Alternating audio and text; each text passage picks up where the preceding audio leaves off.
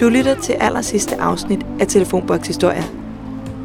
Podcastserien er en del af en udstilling på Enigma, Museum for Post, Tele og Kommunikation.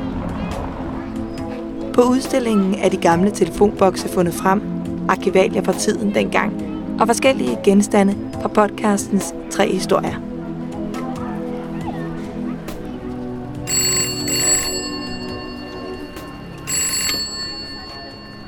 Hallo, hallo?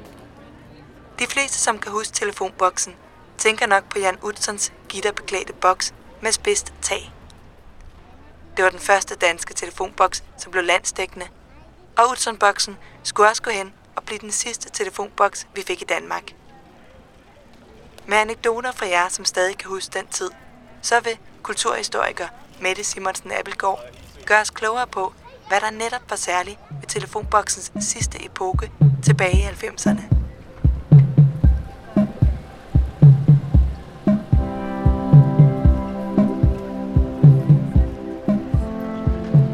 Jeg kan huske dengang, at øh, vi havde telefonbokse på gaderne. Og vi stod måske 3-4 veninder, og nogle gange så vi 7-8 veninder om én telefonboks. Og så lavede vi nogle aftaler med nogle fremmede mænd. Og så bildte vi dem ind, at øh, vi stod med en rød rose, og vi stod der og der. Og vi lød som om vi var 20 år, og vi var måske 12-13 år.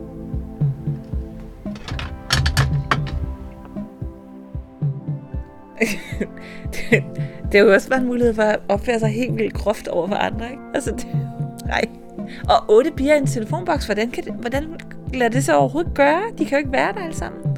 Så de stod oven på hinanden, eller hvad? Nogle står udenfor, nogle står... Ja, altså... Jeg, jeg hedder Mette Simonsen Abelgaard. Jeg er teknoantropolog på Aalborg Universitet, og jeg forsker i telefonens kulturhistorie. Det, der er kendetegnende ved perioden, hvor Utzon-boksen står på øh, gader og stræder, er, at den er sådan set mere tænkt til sådan den undtagelsesvise korte samtale, fordi at næsten alle danskere har en telefon derhjemme, og nogen har endda flere. Men der er en særlig målgruppe, som altid har synes, at telefonboksen var meget relevant, og som altid har brugt den meget. Og det er de unge, og det er teenagerne. Og det er jo fordi, at de er kendetegnet ved, selv øh, i en periode, hvor at næsten alle danskere har telefon derhjemme, så har de ikke deres egen telefon. De kan låne deres mors og fars telefon. Øh, og det er, jo en, det er jo en stor forskel, fordi det er jo ikke en telefon, hvor du kan regne med at kunne have en samtale, som andre ikke overhører. Det kan du derimod med telefonboksen. Altså kan du gå derned og have den der samtale med dine venner eller din kæreste, eller du kan bruge den til at lave telefonfis og alle de andre ting, som dine forældre ikke ville synes om, at du brugte hjemmetelefonen til.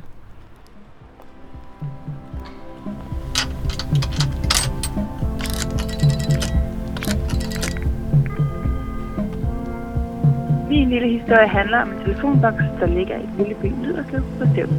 Altså, den lå der, for den er der jo ikke mere. Den lå mellem brosen og kirken. En gang imellem mødtes vi deroppe.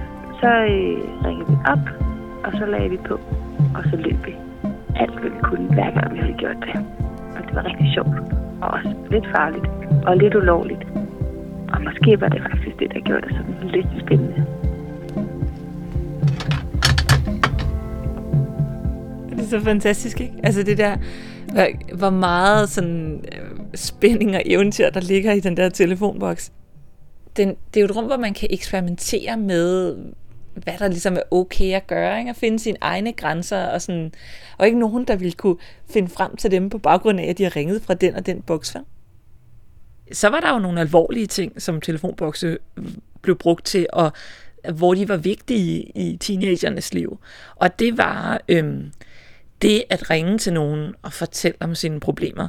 Og så kunne man jo bruge telefonboksen til at ringe ind til et øh, radioprogram som Tværs, som var åbent, havde en åben linje hver søndag aften, og hvor at øh, Tine Bryl, som sad som værdig tværs, var enormt god til at lytte, og Tine Bryl, hun hørte lidt af hvert fra teenager, der ringede ind fra telefonbokse.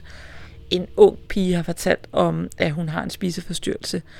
Og der er også den unge mand, som ringer ind og fortæller, at han er glad for at gå i dameundertøj, og han bryder ind i butikker om natten, og han har ikke kunne sige det til nogen før nu, men nu står han her i en telefonboks, og dem han snakker med er langt væk og kan sådan set ikke gøre ham noget. Og så er der jo jeg ved ikke, det er jo næsten alt for grænseoverskridende, men der er jo sådan en med ham, bøssen, der ringer ind og fortæller om, at han bliver overrasket med sin første kæreste, mens de har sex, af hans mor, hvor hun kommer brasende ind og begynder at slå på dem. Altså mens de har sex, og hans søster kommer med, så han får simpelthen bank af sin mor og hans søster. Altså telefonboksen bliver jo en åbning ind i hjem, som vi ikke tror findes i Danmark. Men vi kan også bare se, at hvis ikke du har den mulighed for at komme ud af dit hjem, så kan det være umuligt overhovedet at sætte ord på problemerne. Det kan være umuligt overhovedet at få lov til at fortælle om, hvad det er, der foregår derhjemme. Der er en pige, der ringer ind, og hun fortæller, at hun har nogle problemer med en veninde, og de er uvenner, og hun synes ikke rigtigt, hun har så mange venner. Og det taler de lidt om, mens der er sådan lyd på linjen, og Tine Puls siger, der er sådan irriterende, der er sådan irriterende skratten på linjen, jeg forstår ikke rigtigt. Og så siger pigen, om det er fordi, der er nogen, der lytter med. Og så siger Tine Puls til hende, men kan du ikke lige, kunne du ikke lige sige til dem, at, øh, at den her samtale vil vi sådan set godt have alene, at det er rigtig fint at tale med sine forældre, men nogle ting har man også bare brug for at tale med andre med. Klok, så ligger hun røret, og man kan høre, jeg er lige ved at snakke med nogen. Vil I ikke lige lade være med at lytte med?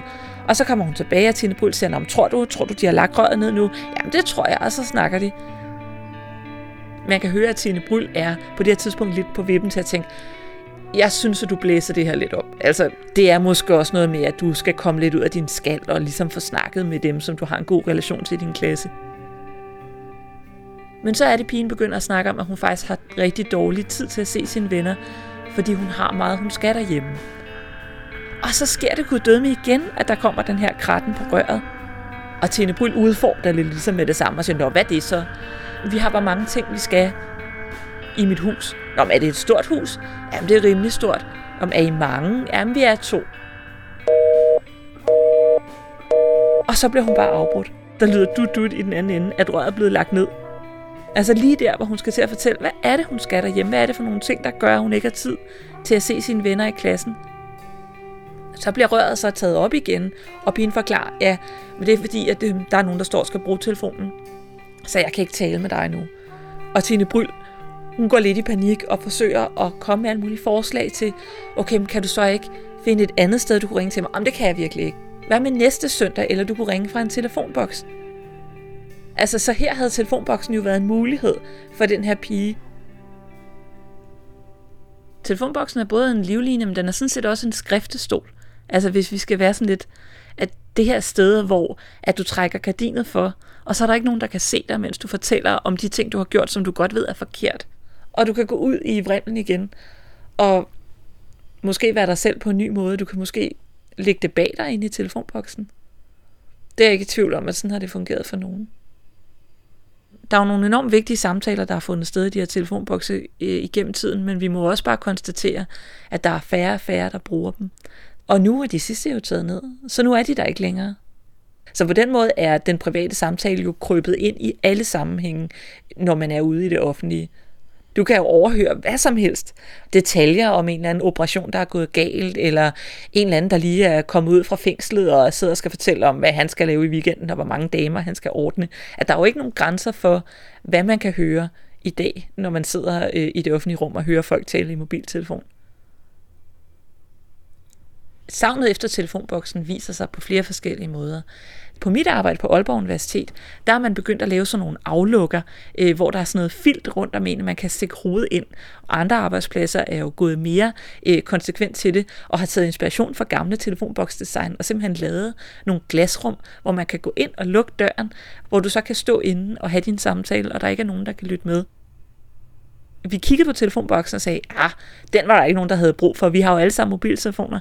Og der vil jeg sige, at vi i vid udstrækning tog fejl. Vi havde brug for et sted at gå hen og have den private samtale, hvor man kan gå ind og ikke genere andre og ikke blive overhørt.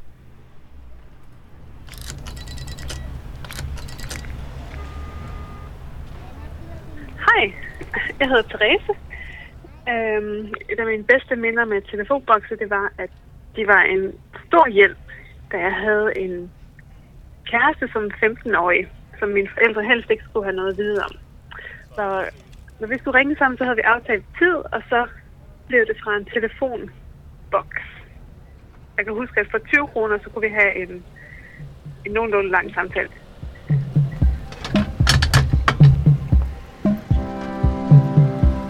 Der er mange kæresteforhold, som er blevet holdt i live via telefonbokse. Der er mange, der beskriver, at det faktisk er sådan lidt romantisk. Det der med at stå i det der lille lukkede rum, og regnen den trummer på roden, ikke? og det er mørkt ude på gaden. Og så er der også det smarte med en telefonboks, at når så det bliver lidt kedeligt, så kan man bare sige, at man ikke har flere mønter. Og så, så er det det. Så er samtalen slut. Så at den kan jo nogle ting, sådan en samtale der, ikke? hvor man i dag er nødt til at lave sådan, øh, jeg kan ikke høre dig, jeg kører ind i en tunnel, eller sådan noget.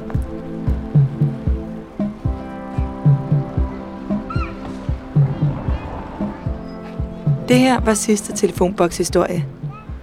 Mit navn er Julie Ting, og jeg har tilrettelagt og produceret podcasten. Med på holdet var kulturhistoriker Mette Simonsen Appelgaard fra Aalborg Universitet og Arne Noak fra Enigma. Musikken er lavet af Oliver Højnes. Udstillingen Telefonbokshistorie kan opleves på Enigma i København fra den 29. juni 2018. Tak fordi du lyttede med.